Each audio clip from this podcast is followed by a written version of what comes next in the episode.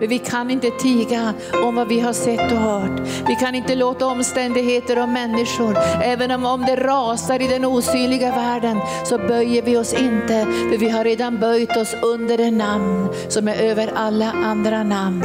Under hans starka hand har vi böjt oss. Vi har böjt oss under hans starka hand och vi har kastat alla våra bekymmer för Herren. För vi vet att Satan går omkring som ett rytande lejon för att uppsluka dem som han kan uppsluka. Men vi står emot honom fasta i tron för vi vet att det är vår Gud som stärker oss, beskyddar oss, befäster oss, utrustar oss så vi ska kunna stå starka och vara mera än övervinnare i den här världen. Så kom nu heliga Ande idag med mod, med frimodighet, djärvhet och kärlek. I Jesu namn. Amen. Halleluja, tack Jesus. Du är djärv du Eva. Idag ska jag vara med och be faktiskt. Så ska vi be mycket. Vi ska be också mycket om arbetare till skörden.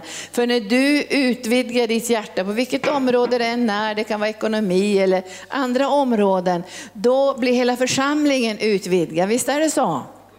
För Gud bryr sig om det individuellt och så bryr han om oss tillsammans. Och vi, vi ber till Herren om det, att det ska få bli en härlig expansion i den heliga ande. Ja, jag tänker ofta på Paulus som säger så här att um, Kristi kärlek driver mig. Och sen säger han, jag har arbetat mer än alla ni andra, säger han. Dock icke jag, utan Guds nåd som har varit verksam. Då kan man ju tänka, har han blivit lagisk? Guds kärlek driver honom, nu vill han arbeta mer än alla andra. När han har sett någonting i den helige ande. Han har sett någonting. Och när Guds kärlek bryter in i våra liv, jag ska säga det, jag pratade med pastor Gunnar häromdagen, ju mer jag får av Guds kärlek, desto mer vill jag se framgång för Jesus. När det gäller evangelisationen, när det gäller missionen, när det gäller Sjöhamra gård och allt det vi ska göra när det gäller återhämtning och retriter. När jag ser församlingslivet, när jag ser alla våra utmaningar, då önskar jag av hela mitt hjärta att kärleken som Jesus ger dig ska ge dig drivkraft att förvalta ditt liv på ett sådant sätt att ännu fler människor kan komma in och sätta till sin skuldra. För det här handlar om, inte om att du ska göra allt. Det handlar om att du ska vidga ditt hjärta och, och gensvara till Gud i ditt förvaltarskap så ännu fler kan komma in. Och det behövs sekreterare, det behövs på alla områden. Det behövs människor som arbetar med inre bönen, mot de kristna skolorna. Det behövs starkare missionsuppdrag. Alltså det, det, det är massor, massor med underbara drömmar som Jesus har i sitt hjärta. Och vilken nåd att du och jag har fått säga ja. Vad säger ni? Alltså vilken nåd utöver nåd. Och nu ska vi få vittnesbörd. Jag vill att ni ska veta här i församlingen att det här som sker nu, att vi har så många som är ute och evangeliserar på gatorna, be för dem. För om jag får vara ärlig så känner jag att det här är en av de mest underbara saker som Gud gör i arken, vet ni det? Alltså jag är så otroligt glad och jag stödjer alla som är ute på gatorna. Och jag ska själv, jag har ju varit evangelist, gatuevangelist i många år och jag ska själv, jag ska bara inspirera, er. följ med. Det, är på tisdag kväll och det är på måndag kväll och det kan också vara andra kvällar. Följ gärna med och se hur, hur, hur evangelisationen går till så att du kan ge ditt stöd. För även om du känner idag, men jag evangeliserar på min arbetsplats eller jag evangeliserar på andra sätt, så behöver vi stå med varandra. Så vi känner att det finns en fullständig enhet i våra hjärtan. Vi vill nå ut med evangelium om Guds rike. Visst är vi överens om det? Vi vill det, det är vår längtan och vår önskan. Och det här verktyget som vi har fått från Gud, det här traktatet som vi använder, det är ett fantastiskt beskydd. Ingen tidning skulle kunna komma hit och säga, och vad är det för folk som evangeliserar, vad pratar de för någonting på gatorna? Jag vet precis vad de pratar om på gatorna. Gud älskar dig och har en underbar plan för dig. Vet du om, är du helt säker på vad du kommer efter du har dött? Vi ber för dig och din familj och vi presenterar evangelium. Tack Jesus. Så nu ska ni få berätta halleluja, lite goda rapporter. Men kanske du ska börja. Ja, den här veckan så har vi varit ute kanske tre timmar totalt. Eh, vi har varit fyra stycken arbetare och vi har fått 44 stycken frälsta.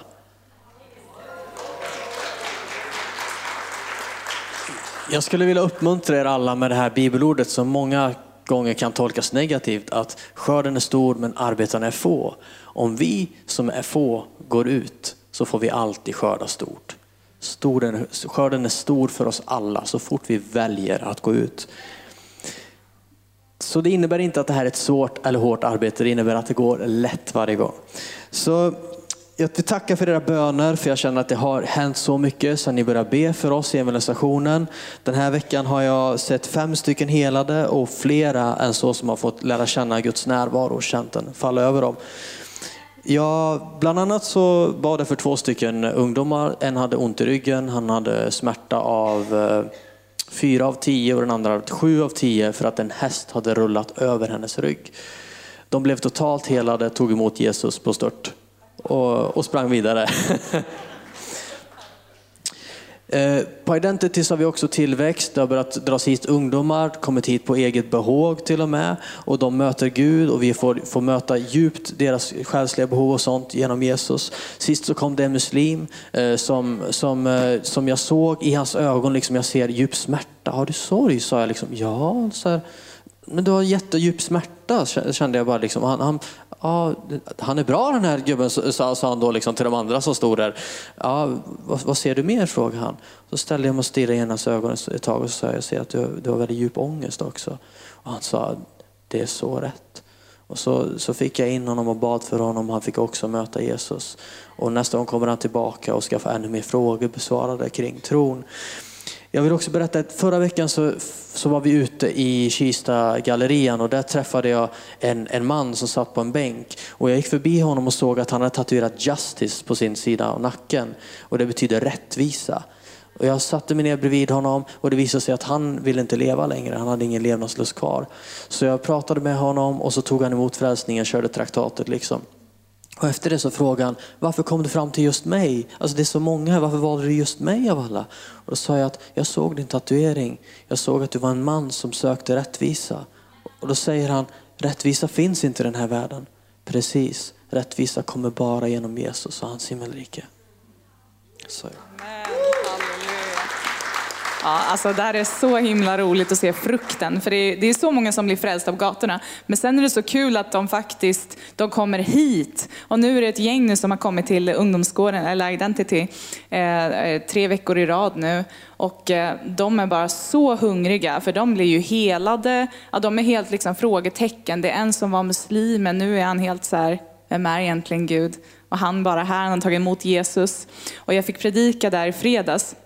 Jag predikade om att ha sin tillit till Gud och liksom varför vi ens kan tro på honom. För han, han är ju liksom vår kärlek. För att han älskar oss. Det är därför vi ska lita på honom. För att han älskar oss. Han vill oss inget ont. Så här. Och det var så himla roligt att se liksom alla de här ja, nyfrälsta där och eh, de tog emot liksom så mycket. De pratade med mig efteråt, jag fick be för dem. De sa att de verkligen blev berörda. Och alltså, det var så häftiga saker. Det var en som eh, sa att liksom, han har bara suttit ute, det här var liksom länge sedan. Han har bara suttit ute vid, vid tåget någon gång. Och så hade någon, någon eh, äldre kvinna bara kommit fram till honom och sagt så här, Gud älskar dig. Och sen hade hon gått. Och alltså, eh, han, bara, han sa det här och bara, Alltså jag kan inte sluta tänka på det där. Var är Gud? Var är Gud? Var är Gud? Bara, det var självklart det var Gud. Det så här, det, och det där, bara den saken. Hon sa inte ens Jesus älskar dig, hon sa Gud älskar dig. Och han, han har känt sig så sökt i flera år. Och nu är han här. Och han bara hungrar. Han säger, jag vill verkligen veta mer. Jag vill tro mer. Jag vill veta allt liksom. Och vi bara, det, det är så bra. Du kommer få allt. För den som söker han finner. Och den som knackar, för den ska dörren öppnas. Så jag sa liksom allting, det ligger bara framför dig. Så ja, det är så kul, så tack Jesus. Jesus. Halleluja, tack Jesus. Och även om ni inte går varenda gång efter söndagsmötet och ber för evangelisationen så be hemma också för det. Be om beskydd. Be om beskydd för alla de som går ut. Det är olika åldrar som går ut och evangeliserar. Be om beskydd för onda människor och, och, krafter och makter som vill attackera. Så vi verkligen får uppleva det där som Torbjörn säger, var plats vår fot beträder är given till oss. Och när vi beträder en plats så står vi på helig mark. Så vi vill, vi, jag ska predika idag några saker och, och sen ska vi be en stund också. Men jag tänkte informera er att vi, vi, vi, nu ska vi ha bön för Israel idag också. Att vi kommer att åka mot slutet av den här månaden så kommer vi vara i Haifa i en sluten retreat med messianska judar. Mellan 70 och 100 stycken kommer att vara på en stor retreatgård. Och jag känner mig ganska bävan inför det, för jag ska behöva 20 förebedjare med mig. Men det kommer att vara en sluten retreat, så de vill inte att vi ska våra kontakter i Israel får inte komma dit, utan de har egna kontakter och det här kommer vara en, en sluten retreat. Och det är väl väldigt härligt va? Så vi, vi har satt vår tro till att det ska bli en uppenbarelse om vem Gud är, ska bli mirakler, helanden, befrielse och upprättelse. Så vi, vi ber över det och så ber vi också att få sponsorer till Israel. Alltså att det ska bli för sponsorer som vill stödja när vi bjuder också judiska messianska ledare till vår retreatgård så måste vi be om sponsorer. För många som älskar Israel men det måste bli en praktisk kärlek också. Och jag tror att man vill stödja de messianska ledarna också i Israel, för det är väckelse på gång. Och nu får vi vara med på olika sätt. Så var med och be. Vill du vara med och be för Israel idag så jag är jätteglad om du gör det. För vi behöver också eh, känna att vi kan få loss flera förebedjare när vi åker också till Israel som vill vara med och betjäna på olika sätt. Så tack Jesus. Nu tackar, jag. bara sträck ut era händer mot mig så jag får tag på det som Herren vill säga idag. Och jag bara tar emot himmelens ord nu Herre, för det är inte intressant vad, vad jag vill säga idag, utan det som är intressant är Herre, vad du vill säga idag. Vad har du på ditt hjärta Jesus? Vad är det som du särskilt vill lägga ner i våra hjärtan idag, så vi kan vara frimodiga och oförfärade och inte böja oss för omständigheterna och inte låta omständigheterna styra arken eller styra ledarskap eller styra församlingsmedlemmar. Vi styrs av din ande och inte av omständigheterna omständigheter, inte när hedningarna rasar eller attacker kommer, så styrs vi bara av din ande. Och jag tackar dig Gud för att den här församlingen ska känna sig så lycklig över att den är tillsammans och har fått ett uppdrag ifrån dig och att vi ska få den här lyckan och glädjen och saligheten genom hela församlingen och stoltheten över att vi är utvalda, heliggjorda och älskade i namnet Jesus. Amen. Halleluja. Det bästa man kan tänka sig som skulle kunna reta djävulen, det är Gud som får reta djävulen, det gör inte vi. Men det bästa han skulle kunna tänka ut det var ju att duka ett bord i fiendernas åsyn i dödsskuggans dal. Eller vad säger ni?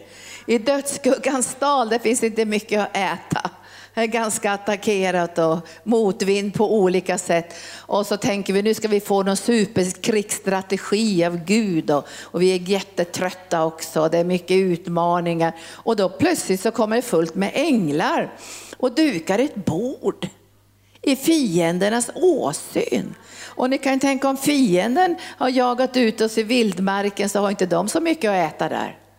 Och plötsligt så är det världens bord. Och så säger Jesus så här, jag ska sitta med er vid det här festbordet idag. Och inte bara det, jag ska låta min bägare flöda över.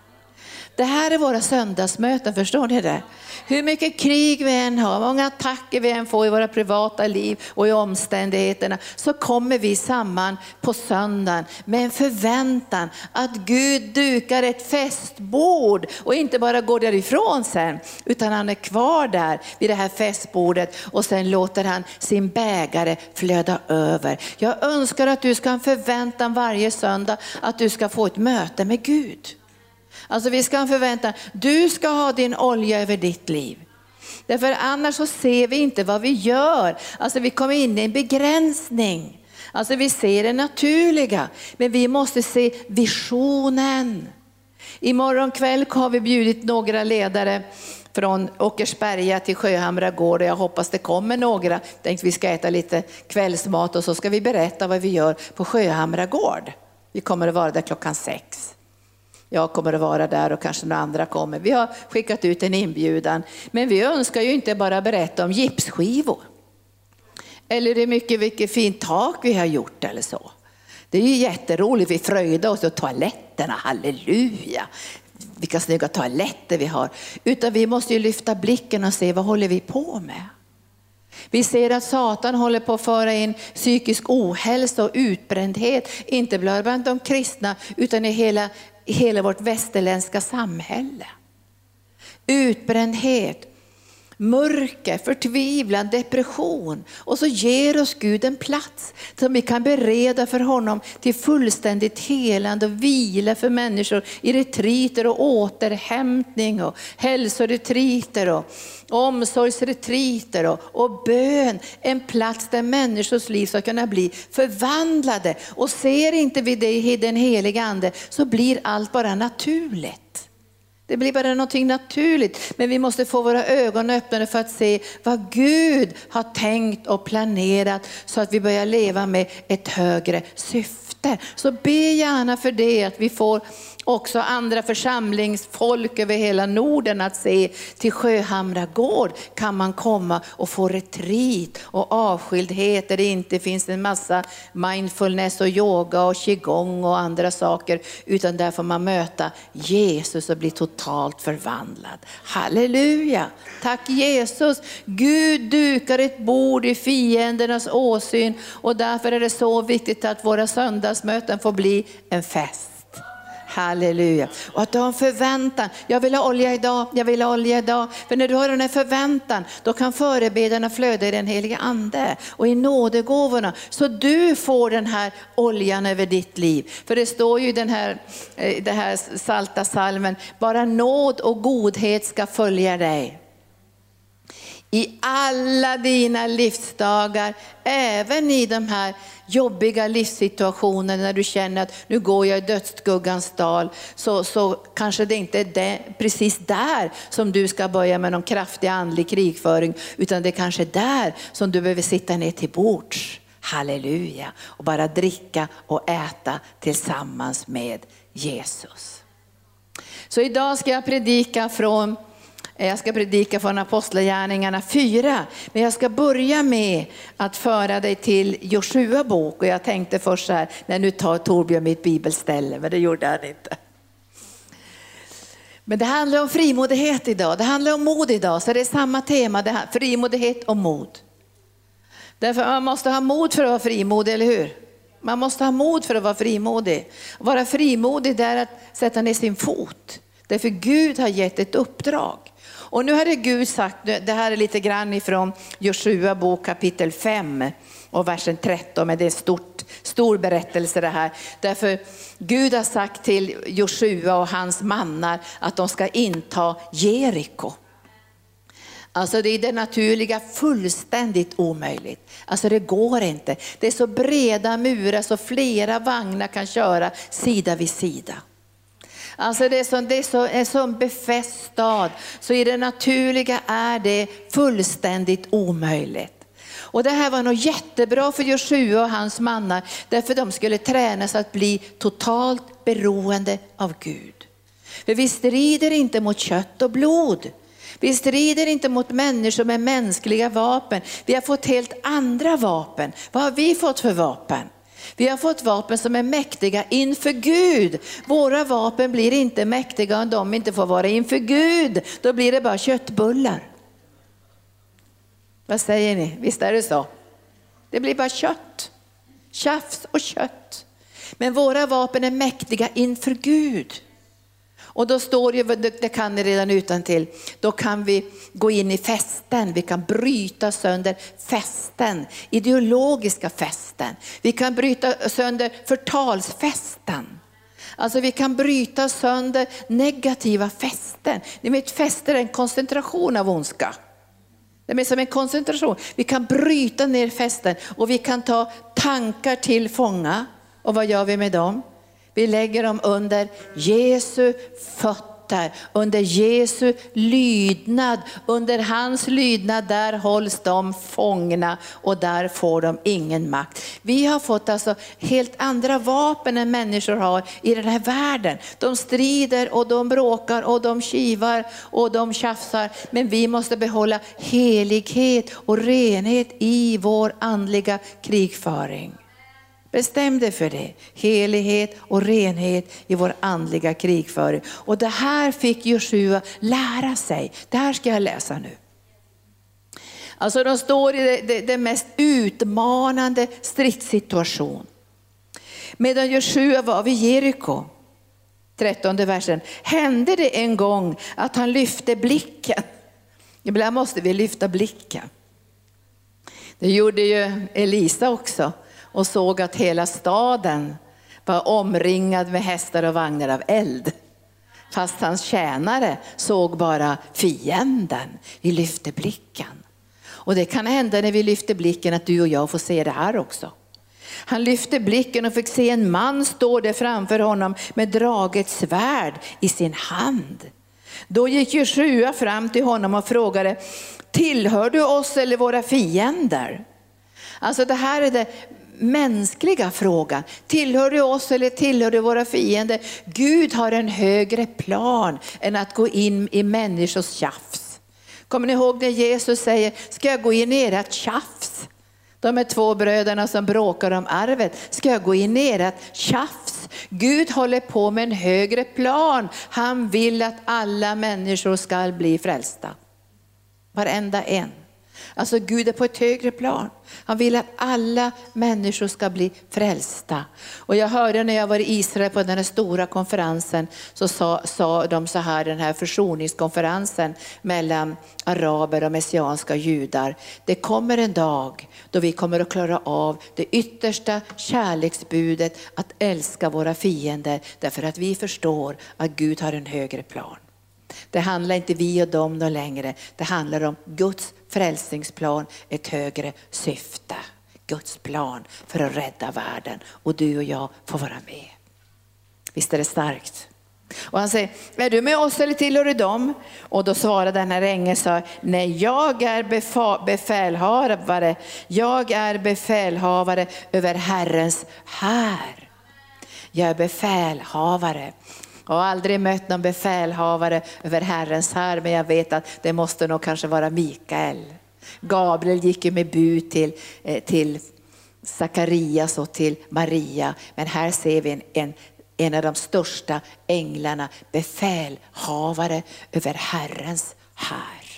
Han fanns där i det osynliga. Och då ser vi fortfarande hur, hur mänskligt Joshua tänker. Nu säger den här ängeln, nu har jag kommit. Då föll Joshua ner till jorden på sitt ansikte, tillbad och sa till honom, vad har min herre för budskap till din tjänare? Vad har min herre för budskap till din tjänare? Nu hade vi önskat att få jättestridsplanen här. Men så kommer den här ängens ord. Befälhavaren över Herrens här sa då till Joshua, ta av dig skorna för platsen där du står är helig. Och Joshua gjorde så. Platsen där du står är helig. Vi kommer inte undan attacker. Vi kommer inte undan liksom att vi kommer att få en konfrontation i den osynliga världen. För Jesus säger att ni ska bli hatade av alla för mitt namns skull. Och varför kommer vi bli hatade för hans namns skull? Därför att vi gör anspråk på att säga det finns ingen frälsning i något annat namn.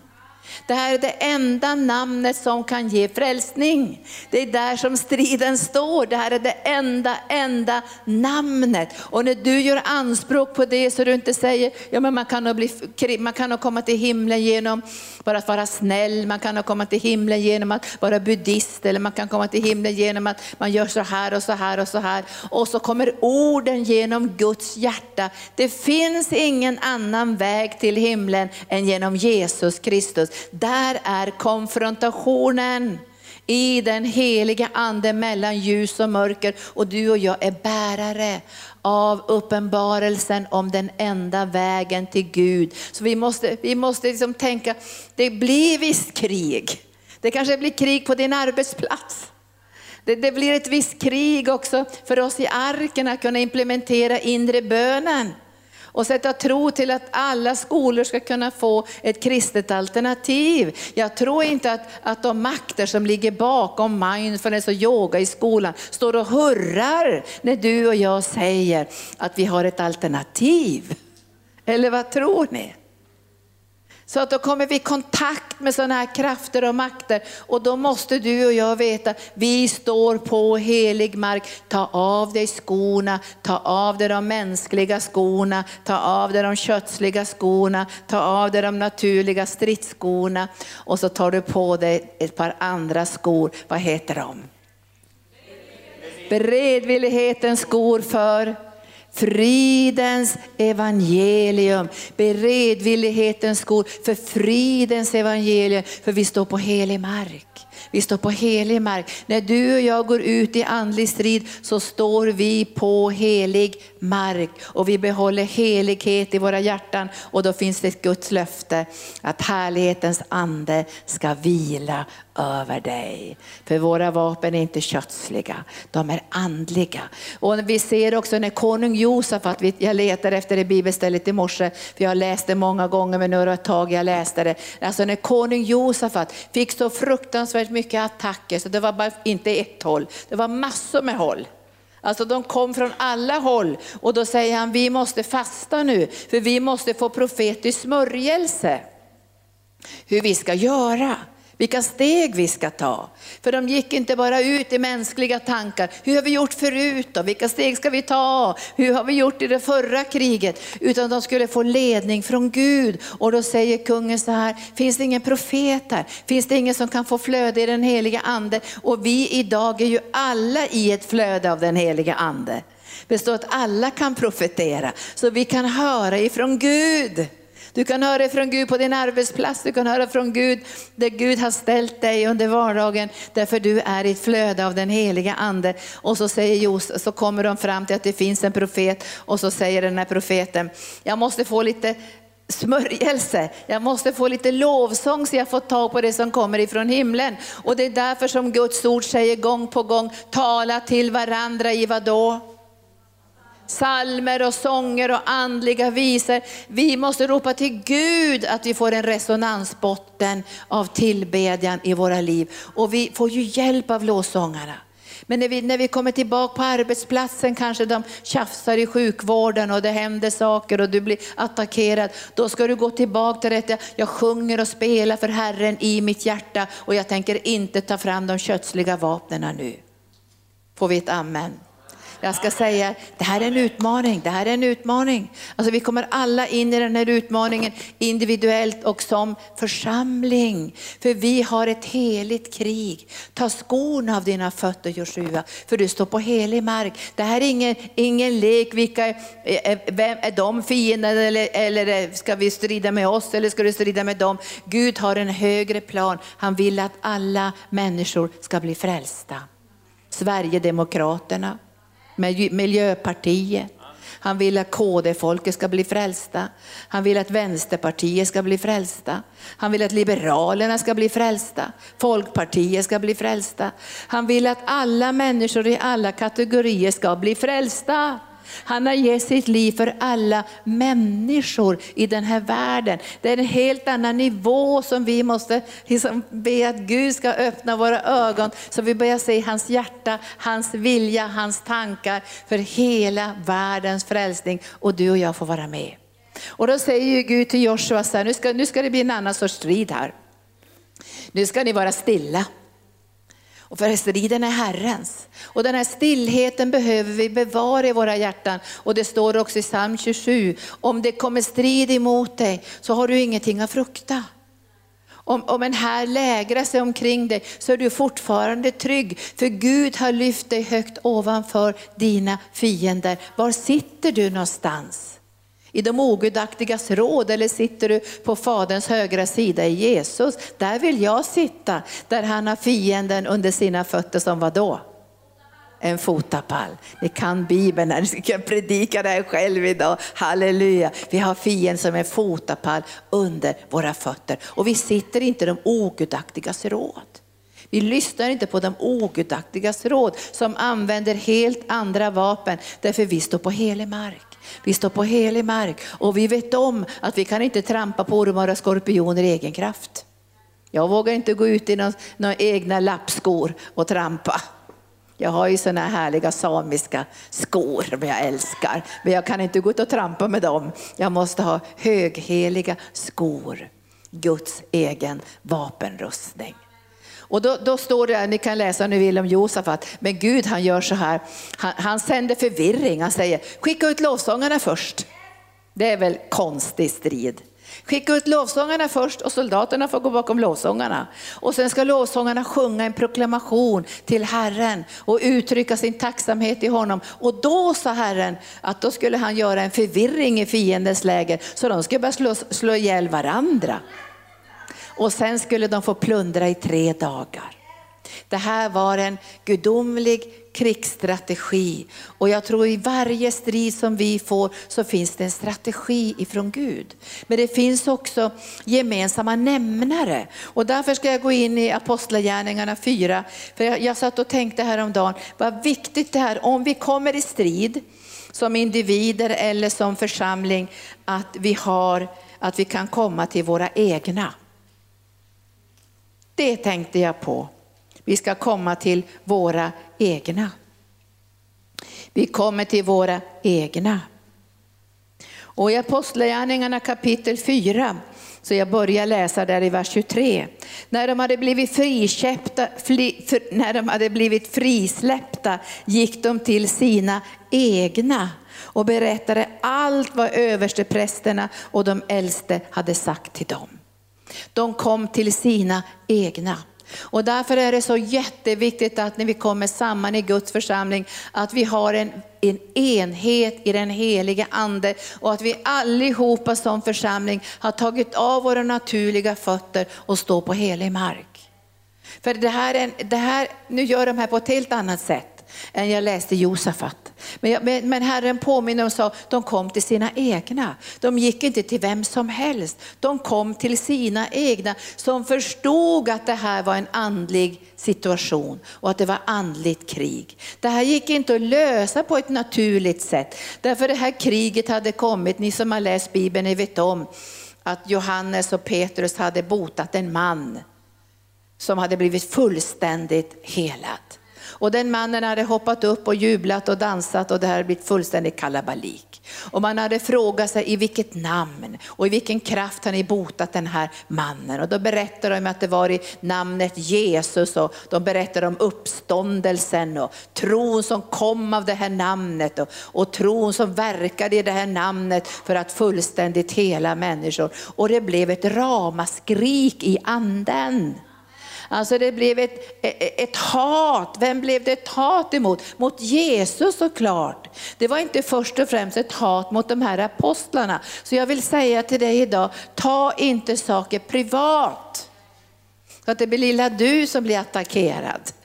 För, jag, för jag, jag, vet ju att när jag började min tjänst så var jag lite sådär mini-Roger Larsson. Jag hade liksom väldig kärlek och han, han hade så fantastisk favör, Roger Larsson, när han började sin tjänst. Alla älskade honom. Och det hade jag också i början och sen eh, efter, efter när jag hade kopplat ihop, som de sa, med fel grupp då, då, då blev det ungefär som att katten hade släppt hem en råtta. Och, och, och, jag tänkte, det här får inte jag ta privat, för jag vet att jag har kärleksbörjelse. Jag vet att jag älskar människor. Så jag får inte tänka, har jag varit dum nu? Jag måste tänka, det här ligger på ett annat plan. Och en av mina kollegor som var, var fantastiskt kärleksfull, hundra gånger mer än mig, alltså var verkligen kärleksfull. Och han klarade inte av det här. Han sa så här, jag förstår inte varför de gör så här mot mig. Jag, jag, jag, bara, jag, försöker bara göra gott, jag försöker vandra i kärlek. Och han blev så fruktansvärt attackerad. Han, fick, han blev utbränd, han fick tinnitus. Han blev deprimerad. Det var så fruktansvärt att se hur han bröts ner. Och jag sa till honom så här, det här handlar inte om dig. Jesus var snällare än dig. Jesus var mycket mer kärleksfull än dig och ändå fick han sådana attacker emot sitt liv att de gång på gång försökte döda honom. Så ta inte det här på ett privat sätt. Om det är så att du har varit ovislig eller gjort någonting som inte var bra, då ska du inte ändra det utifrån en anklagelse som kommer ifrån nätet eller från världen eller från människor. Då böjer du dina knän och ber att den heliga ande ska fylla dig och så säger du, är det något jag behöver ändra på Jesus och säg det. Visst är det bra det jag säger det här? Gå inte in i någon anklagelse. Så du fort du hör någonting eller någon säger någonting så kastar du dig i anklagelsens dy. Utan du ska in i den heliga ande och prisa Gud att du har aktats värdig att lida för namnet. Så står det i Bibeln. Men om vi nu har varit ovisliga eller gjort någonting på ett dåligt sätt, då får den heliga ande ge oss visdom. Har ni läst Jakobs brev? Om du brister i vishet, visdom, så ska Gud ge dig visdom om du ber utan hårda ord och utan anklagelser. Nu är det här skarpt läge. Jag har aldrig varit i ett sånt här skarpt läge och jag hoppas att vi slipper det. Därför det här blev så skarpt läge att man kastade dem i fängelse för att de hade botat en man och en man hade fått tillbaka känseln i sina ben och kunde gå och dansa, så hamnade de i fängelse. Det var kanske inte för det helande undret, utan det var därför att de sa så här, det finns ingen frälsning under himlen i något annat namn, eller genom något annat namn som människor fått genom vilka kan bli, som vi kan bli frälsta. Det är bara Jesus Kristus. Det finns inget annat namn. Och då händer detta, de förbjöd dem att predika i namnet Jesus. Jag läser det rakt upp och ner. Det står i, i, i 4 och eh, 18. Då kallade de in dem och förbjöd dem att tala eller undervisa i Jesu namn. Man förbjöd dem. Man förbjöd dem. Men vad är deras gensvar? Mod och frimodighet. Man förbjöd dem. Och så svarar de så här. Bedöm själva om det är rätt inför Gud att vi lyder er och inte Gud. Vi för vår del kan inte hålla tyst med det som vi har sett och hört. Stryk under det här. Är det mod och frimodighet? Vi kan inte vara tyst. Vi kan inte vara tyst. Om vi tiger så dör vi. Det fort vi öppnar vår mun så är det Jesus. Vi dör om vi tiger. Nu är det skarpt läge och jag tror apostlarna tänker så här, till vilka kan vi gå nu?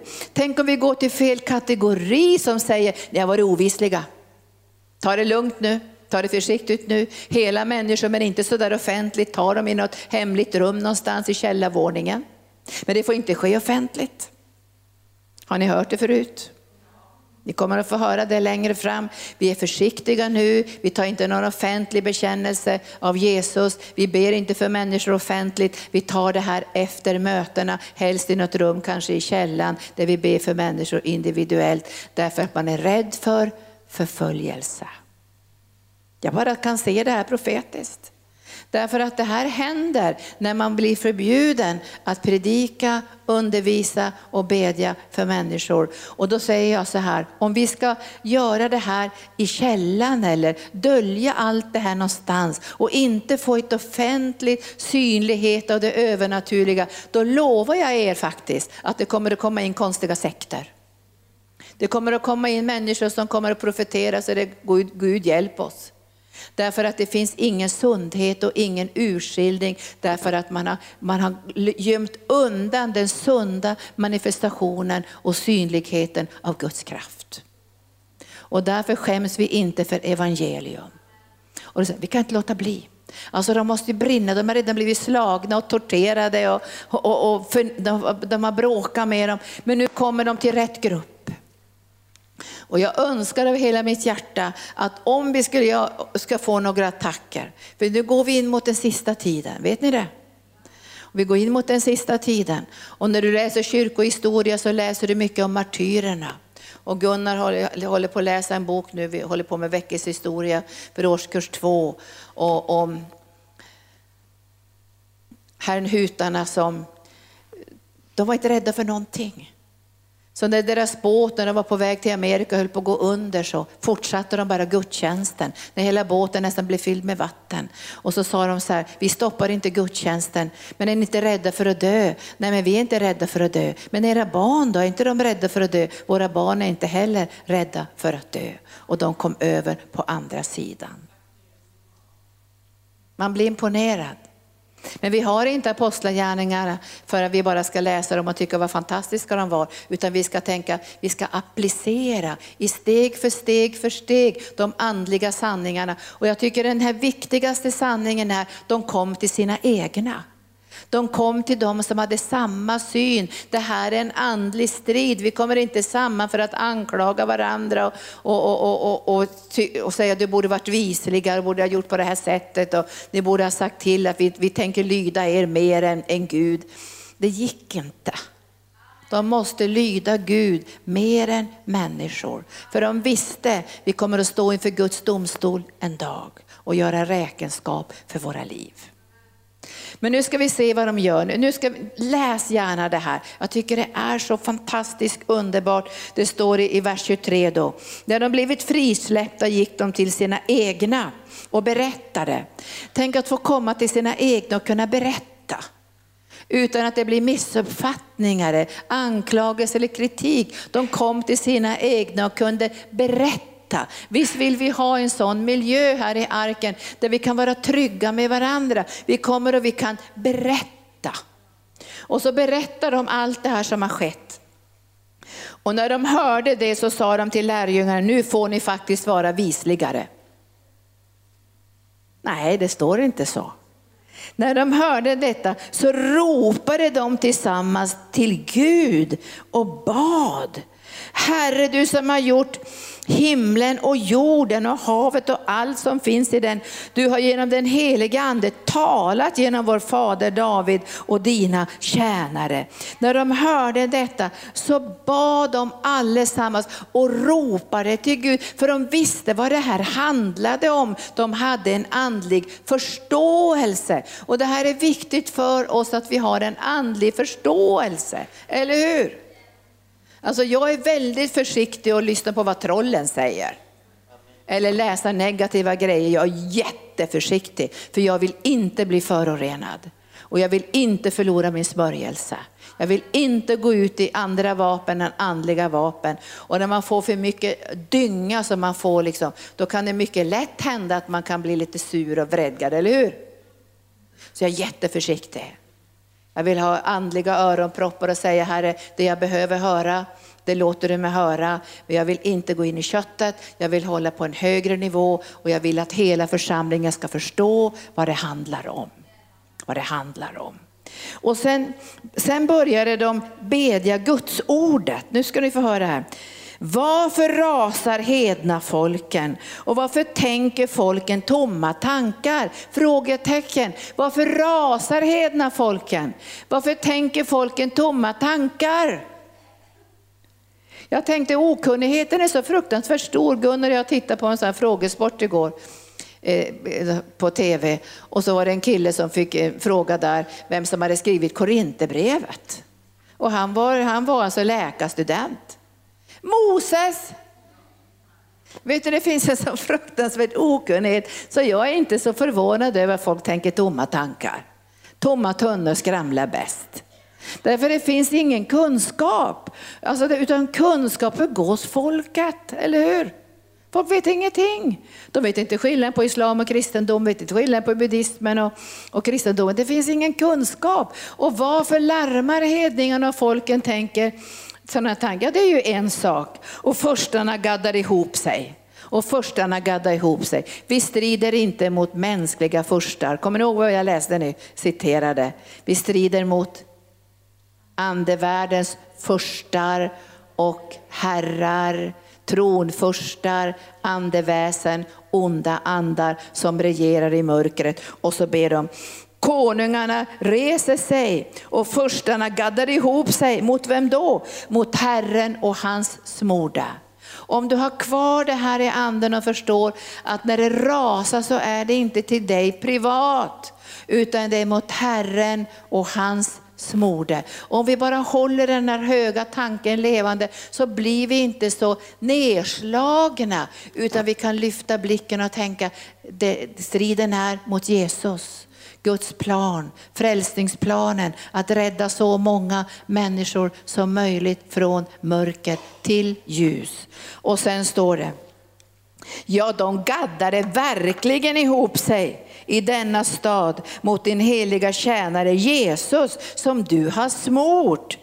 Herodes och Pontius Pilatus gick samman med hedningarna och Israels stammar för att utföra det som du med din hand och ditt beslut hade förutbestämt. Vad talar man om här? Segen på Golgata kors. Guds fantastiska kärleksplan att rädda alla människor från evig död. Och nu kommer den starkaste bönen. Och jag tänkte vi skulle stanna en liten stund idag. Det här är de starkaste bönerna. Tänk att när den här bönen kommer på ett ackord, de förstår den andliga striden. De förstår att kriget är emot Jesus och mot Fadern och de är mitt i det här kriget för de är förenade med Gud och Fader. Eller hur? Och då ber de en bön som får sådana otroliga konsekvenser. Och det är 29 versen. Och nu Herre, se hur de hotar oss.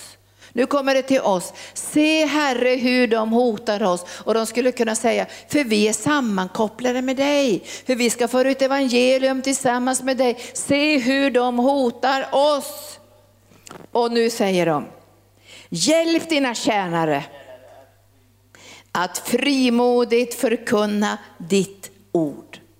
Hjälp dina tjänare att frimodigt förkunna ditt ord. Och de stannar inte här i bönen, de säger genom att du räcker ut din hand och låter vad då för någonting? Helande tecken och under ske genom din helige tjänare Jesu namn. Att du sträcker ut din hand. Inte att du och jag sträcker ut vår hand och grejer och, och harjar. Utan vi ska primodigt predika Jesu Kristi namn och sätta tro till att Gud genom Jesus kommer att sträcka ut sin hand med helande mirakler, med tecken och under. Och då händer det någonting. Det händer någonting. Och det här är min önskan att det här ska hända i arken. Visst är det det? Det här ska hända i hela arken. Alltså de här fariseerna och skriftlärde gjorde sitt störst, livs största misstag. Hade de bara attackerat Petrus och Johannes så hade väl de gått ut och predikat och blivit slagna igen och attackerade på olika sätt. Men nu fick de ett helt folk i rörelse. Nu fick de ett helt folk i rörelse. Nu kopplade alla ihop för det står så här. Medan när de hade bett, då skakades platsen där de var samlade. Då skakades platsen där de var samlade. Och de uppfylldes alla med den helige ande och förkunnade Guds ord med frimodighet. Och hela skaran av dem som kommit till tro var ett hjärta och en själ. Och man kallade inte något för det man ägde för sitt utan hade allting gemensamt. Och med stor kraft bar apostlarna fram vittnesbördet om Herren Jesu uppståndelse. Och stor nåd var över dem alla. Frimodigheten har med sig stor lön. De hade kunnat börja en, ett sammanträde där. Nu ska vi ha ett sammanträde. Har apostlarna varit o, o, ovissliga? Vi måste ha ett sammanträde nu. Nu måste vi gå igenom allting. Har de varit ovissliga? Behövde de bara säga precis så där till, till de här fariseerna att de tänkte lyssna på mera på Gud än på människor? Måste de sätta igång så här mycket bråk? Kan vi inte ta det lite lugnt så vi blir accepterade och godkända? Man kunde ha satt ihop en liten kommitté. Men det fanns en medvetenhet om vad allt det här handlade om. Och jag ska be idag att vi får den här medvetenheten. Det är inte alltid vi får den här konfrontationen och jag tackar Gud för att vi inte får den på det sättet. Vi kanske får den på andra sätt, men den kommer, vet ni det? Det kommer och bli en strid mellan ljus och mörker. Men då behöver du och jag veta Jesus har segrat redan och vi står på segrarens sida. Därför kan vi be med frimodighet. Och jag nöjer mig inte med om några apostlar här är skakade av Guds kraft. Jag nöjer mig inte med om pastor Gunnar är skakad av Guds kraft eller Anita eller Torbjörn eller jag. Jag nöjer mig inte med det. Jag vill att ni alla ska vara skakade av Guds kraft och predika Guds ord frimodigt. Och Gud kommer att verka med under och tecken, för vi håller ihop och vi vet vad det här handlar om. Vi tolkar inte saker i köttet. Åh, kanske någon har varit dum, Kalle Persson kanske har varit dum. Vi tolkar inte som barn, utan vi tolkar saker, vi förstår att vi har fått ett uppdrag från Gud att föra ut det starkaste budskapet någonsin som handlar om människors evighet och eviga väl. Och därför förstår vi att demonerna sitter inte och dricker kaffe. Pastor Gunnar berättade en gång, det var inte så mycket som skedde här i den här kommunen, det var inte så mycket som skedde. Minns pastor Gunnar så han såg ett helt fält så här i anden och sen så stack han ut foten och så var det någon som skrek. Du vet, var plats din fot beträder så kommer du att trampa på någonting av mörker och ormar och skorpioner och krafter som vill hindra evangelium. Och därför måste du klara av att tolka saker på rätt sätt. Jag tror vi behöver mera visdom, det behöver vi säkert. Mera förstånd. Men det ska inte ske utifrån anklagelser och från att det kommer från felaktiga källor. Det ska, om det ska bli en förändring på något område, vi behöver korrigera någonting, så behöver det ske hos de egna. De som har förstått, de som älskar Jesus, de som är beredda att lida för det här namnet skull, som har lagt ner sina liv och som inte skäms för evangelium. Tack Jesus. Nu lägger jag den här texten i ditt hjärta. Och skulle vi få gå in i en andlig krigföring på något område så vet jag att vi har tagit av oss fötterna. Tagit av oss fötterna har vi inte gjort. för det får vi inte göra, för då har vi ingen, ingen kraft att gå. Utan vi har tagit av oss skorna. Kommer ni ihåg en annan text i Bibeln som man fick ta av sig skorna? Det var den här gamle, gamle Abraham. Nej, inte gamle Abraham, utan vi tar inte han idag, vi tar gamle Moses. Du vet Moses han gick där med sina eh, getter och får. Och han hade också gått i någon slags, så att säga, gett upp kallelsen och hoppet om att han skulle kunna få bli det där som han kände i ungdomsåren när han var frimodig och tog till kötsliga vapen. Det vet ni va? Han slog ihjäl en egyptier så fick han fly från allt sammans. Men Gud hade inte ångrat kallelsen och nådegåvorna. Han hade lärt honom, nu ska vi gå på en andlig väg. Nu ska vi inte gå i köttet någon längre. Nu ska vi inte bara gå ut i impulser och kötta oss utan nu ska vi gå på en andlig väg. Och när han såg den här busken som brann då tittar han på den och den brann ju inte upp. Och då hör han Guds röst som säger, ta av dig skorna. För nu står du på helig mark.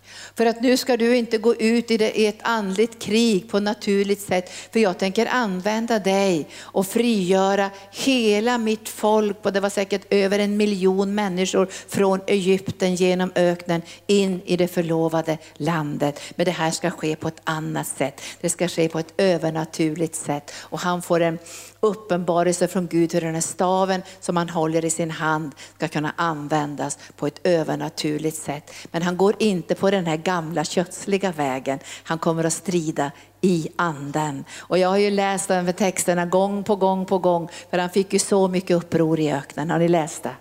Ledare gjorde uppror, de närmaste ledarna gjorde uppror, folket gjorde uppror, det var kött, kött, kött, kött. Men det står så här, han la sig på sitt ansikte och så säger han, vem är jag? Det är Gud som får strida. Och när attacker kommer emot dig på olika sätt, lägg det på ditt ansikte. Lägg det på ditt ansikte och säg, Herre, vem är jag? Det är du Herre som ska träda fram. Vem är jag? Så slipper du ta åt dig så många saker, fara illa av saker som sker. Och ibland får vi till och med fara illa när det blir attacker mot församlingen. Alltså när någon talar illa om församlingen, då, då känner man att man tar det personligt. Och jag brukar säga så om någon talar illa om församlingen, arken till mig, då säger jag så här, jag älskar min församling. Jag älskar den här församlingen. Jag har lagt ner mitt liv för den här församlingen. Då tiger folk. För de vill gärna höra mig säga, ja de var ju lite ovisliga på gatan med två ungdomarna. Det vill de gärna att jag ska säga, men det säger inte jag. Jag älskar den här församlingen. Och jag älskar de som går ut på gatorna. Jag älskar de som predikar evangeliet. Jag älskar de som är frimodiga på sina arbetsplatser. Jag står tillsammans med dem, för jag älskar den här församlingen. Bara älskar den här församlingen. Då tig, tiger andevärlden. Kopplar jag inte ihop med dem. Och så ber jag om beskydd ber om visdom, ber om Guds härlighet, ber om ut, utvägar, ber om expansion. För vi älskar den här församlingen. Så nu ska vi ta lite lovsång. Och så ska vi, vi ska be nu. Vi, vi, älskar, vi är ju glada när ledare blir uppfyllda med den helige ande. Vi önskar att ledarna ska vara uppfyllda med den helige ande. Men vi som ledare önskar att hela kroppen, varenda person i den här lokalen ska vi uppfylld av den helige ande. Därför att Jesus sträcker ut sin hand. Alltså jag tänker, tack gode Gud att det är Jesus som sträcker ut sin hand. Att det är han som sträcker ut sin hand. Så när du och jag är ute så kan man känna sig lite bävande, men det är Jesus som sträcker ut sin hand. För att under och tecken ska ske genom hans heliga tjänare Jesu namn. Och vi lever under den här handen. Och nu ska vi be om frimod. Det ska vi inte göra Torbjörn. Frihet är mod. Frimod är mod. Frimodighet är ju ett jättefint svenskt ord egentligen. Fri, modig och het. Fri, modig och het. Frimodighet. Fri. Du är inte rädd för människor. Du är modig och du är het. Frimodighet. Alltså vi behöver både mod och frimodighet för att kunna göra Guds vilja i den här tiden. Och så behöver vi träna oss att böja oss under Guds mäktiga hand. Och får du en, en personlig attack mot ditt liv, lägg det på Guds ansikte. Lägg det, vem är jag? Vem är jag? Jag har bara tjänat Herren på det sätt som Herren manade mig, men vem är jag? Vill de strida får de strida mot Gud själv, för jag lägger mig. Alltså då får de strida mot, då har jag redan lagt mig, så vill de strida får de strida mot Jesus, eller hur? För att om du står där och köttar dig, då får, kommer du i skottlinjen. Och sen ska vi inte ha friendly fire. Har ni hört talas om friendly fire? Min pappa var ju militär och han pratade mycket om friendly fire. Att det skedde ofta i sådana här attacker utomlands när de var ute soldater i andra krigszoner så började de skjuta på varandra av misstag. Vi har ingen friendly fire, alltså vi skjuter inte på varandra. Utan vi måste veta att vi skjuter mot fienden.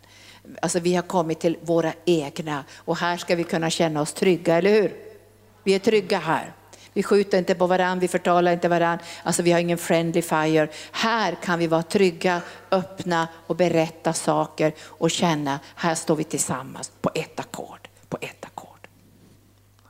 Så nu tackar jag dig Herre för de här fantastiska orden i Apostlagärningarna 4. Och jag ber Herre att du låter de här orden tränga in i våra hjärtan. För här ser vi den här medvetenheten hos den första församlingen.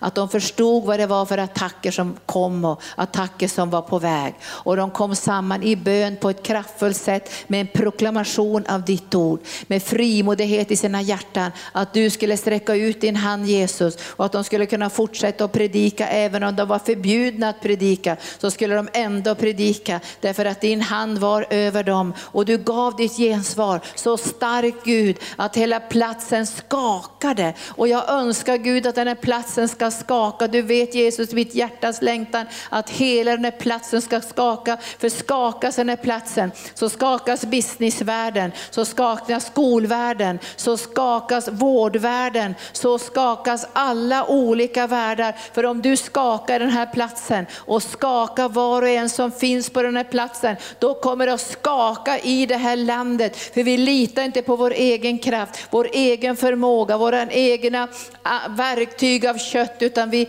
vi leds av din ande. Och vi har inga världsliga vapen och vi strider inte på världens sätt, utan våra vapen är mäktiga inför ditt ansikte. Och jag ber dig heliga ande att du ska dra in varenda en i församlingen, precis som du gjorde i Apostlagärningarna Lärjungarna 4 så alla ska känna hur viktiga de är under den här veckan i skolvärlden, de är viktiga i vårdvärlden, de är viktiga i businessvärlden. De har ett uppdrag ifrån dig som är större än alla andra uppdrag. Det är att evangelium ska föras ut till barnen, till tonåringarna, till de vuxna, till de äldre. Och vi har tagit av oss skorna, vi kanske har försökt i egen kraft, men den tiden är över och vi har lagt oss på våra ansikten. För vi vet Herre att du har sänt din överkrigar Herre som är ledare över din här som ska vara med oss. För striden är inte vår strid utan du har redan vunnit kampen på Golgata kors där alla furstar och väldigheter har fått böja sina knän och alla har fått erkänna att det är Jesus Kristus som är Herre. Och jag proklamerar församlingen Arkens första uppgift är att ge evangelium om Jesus Kristus till den här kommunen. Att få få ge evangelium till hela norra Stockholm, också över hela Sverige, att få ge evangelium till Norden men också ut över världen till så många länder som är möjligt. Vårt första uppdrag är att presentera Jesus som frälsaren, försonaren, helaren, befriaren och upprättaren. Jag proklamerar ut i andevärlden att det är vår första uppgift att vara kanaler för den helige ande så att Jesus kan göra under och tecken i den här kommunen på många olika sätt. I skolan, i vårdvärlden, bland människor som finns i den här kommunen. Ska evangelium bli synligt och människor ska veta vem som har skrivit Korinthierbrevet. De ska veta vem som har skrivit Uppenbarelseboken. De ska veta vägen till frälsning. De ska inte vara okunniga längre. En dag ska de stå inför Gud och då ska de inte säga att det var Moses som har skrivit Korinthierbrevet. Då ska de veta, jag hörde om Jesus men jag tackade nej. Och de ska veta frälsningens väg. Och jag ber dig Sokiria, skaka oss Jesus, skaka oss, skaka oss med din kärleksskakning så du tar bort all människofruktan, all oro, all ängslan, all rädsla för förföljelse. Men du har sagt här om vi blir förföljda för ditt namns skull, då vilar din helighet och härlighet och sköna ande över oss. Och jag ber dig heliga ande nu, Sikororia, Messekairia, Itrosi, skaka bort all människofruktan, massa kantoria, från mig också Jesus, bara skaka bort all människofruktan, Brekonoria, Santokoria, ta bort all människofruktan fruktan, all rädsla för att bli attackerad, all rädsla för att ha fel åsikter, all rädsla för att bli marginaliserad, all rädsla att inte få utrymme i kristenheten. Ta bort all rädsla från oss. Sikrosonto, ikrodaidoria mahanto kirio, all rädsla att förlora sitt arbete, all rädsla att förlora sina vänner, all rädsla till och med att förlora den man, den man älskar som vill gå på en annan väg och kompromissa. Men jag ber dig helige Ande, ta bort all rädsla idag. Därför du har sagt Herre, var plats vår fot beträder kläder, den är given till oss och vi behöver både frimodighet och mod för att kunna göra din vilja. Så skaka bort, ta och skaka bort all rädsla, all rädsla. Kirosonto, vi är modiga. Kelosairia, du har gjort oss modiga. Bara skaka oss heligande och ge oss trygghet i församlingen. Här har vi inte friendly fire, här kommer vi samman med trygghet att kunna öppna våra hjärtan, att stå på ett ackord tillsammans och förstå den andliga striden, hur än den kommer nationellt eller internationellt i, i Kambodja eller Nepal eller Indien med ogudaktiga lagar som nu skrivs också. Vi vet här att vi måste stå fasta i den yttersta tiden, för evangelium bär inga bojor och evangelium måste ut till alla folk innan den sista dagen kommer när Jesus vänder åter på himlens skyar. Så vi måste föra ut evangelium. Även om vi, vi hamnar i fängelse, även om vi blir slagna, så måste vi säga, vi för vår del kan inte låta bli att tala om det som vi har sett och hört. Och vi måste lyda Gud mer än människor. Och Sadrak, Mesak och Abednego, de var modiga. De säger till och med att om Gud inte ens hjälper oss, om vi blir uppbrända i ugnen, så kommer vi ändå aldrig att böja oss för de ogudaktiga gudarna och de ogudaktiga kraven att böja sig för det okulta. Och jag prisar dig Herre att inte ens lejongropen kunde hindra Daniel att vända sig mot, mot Jerusalem och be tre gånger om dagen. Brasikiria, Nessokoria. Från denna dag så får vi ett övernaturligt mod, men också en övernaturlig smörjelse att förstå vad som sker i andevärlden. Ni kommer inte att göra felaktiga slutsatser längre. Ni kommer att förstå vad som sker i andevärlden och ni kommer att lyfta blicken och ni kommer att se runt arken är det en eldsmur. Runt arken är det hästar och vagnar av eld och vi lägger oss på våra ansikten och vi låter dig träda fram mellan oss och de ondskans andemakter. Och jag prisar dig Gud, för vi ska behålla fältet. Vi behåller fältet, vi behåller fältet, vi behåller fältet, vi behåller fältet. Vi förlorar inte fältet fältet i den här striden, utan vi behåller fältet och vi intar ännu mera mark. Kom helige Ande, tack Jesus. Du har mycket här nu med frimodighet. Tack Jesus, tack Jesus.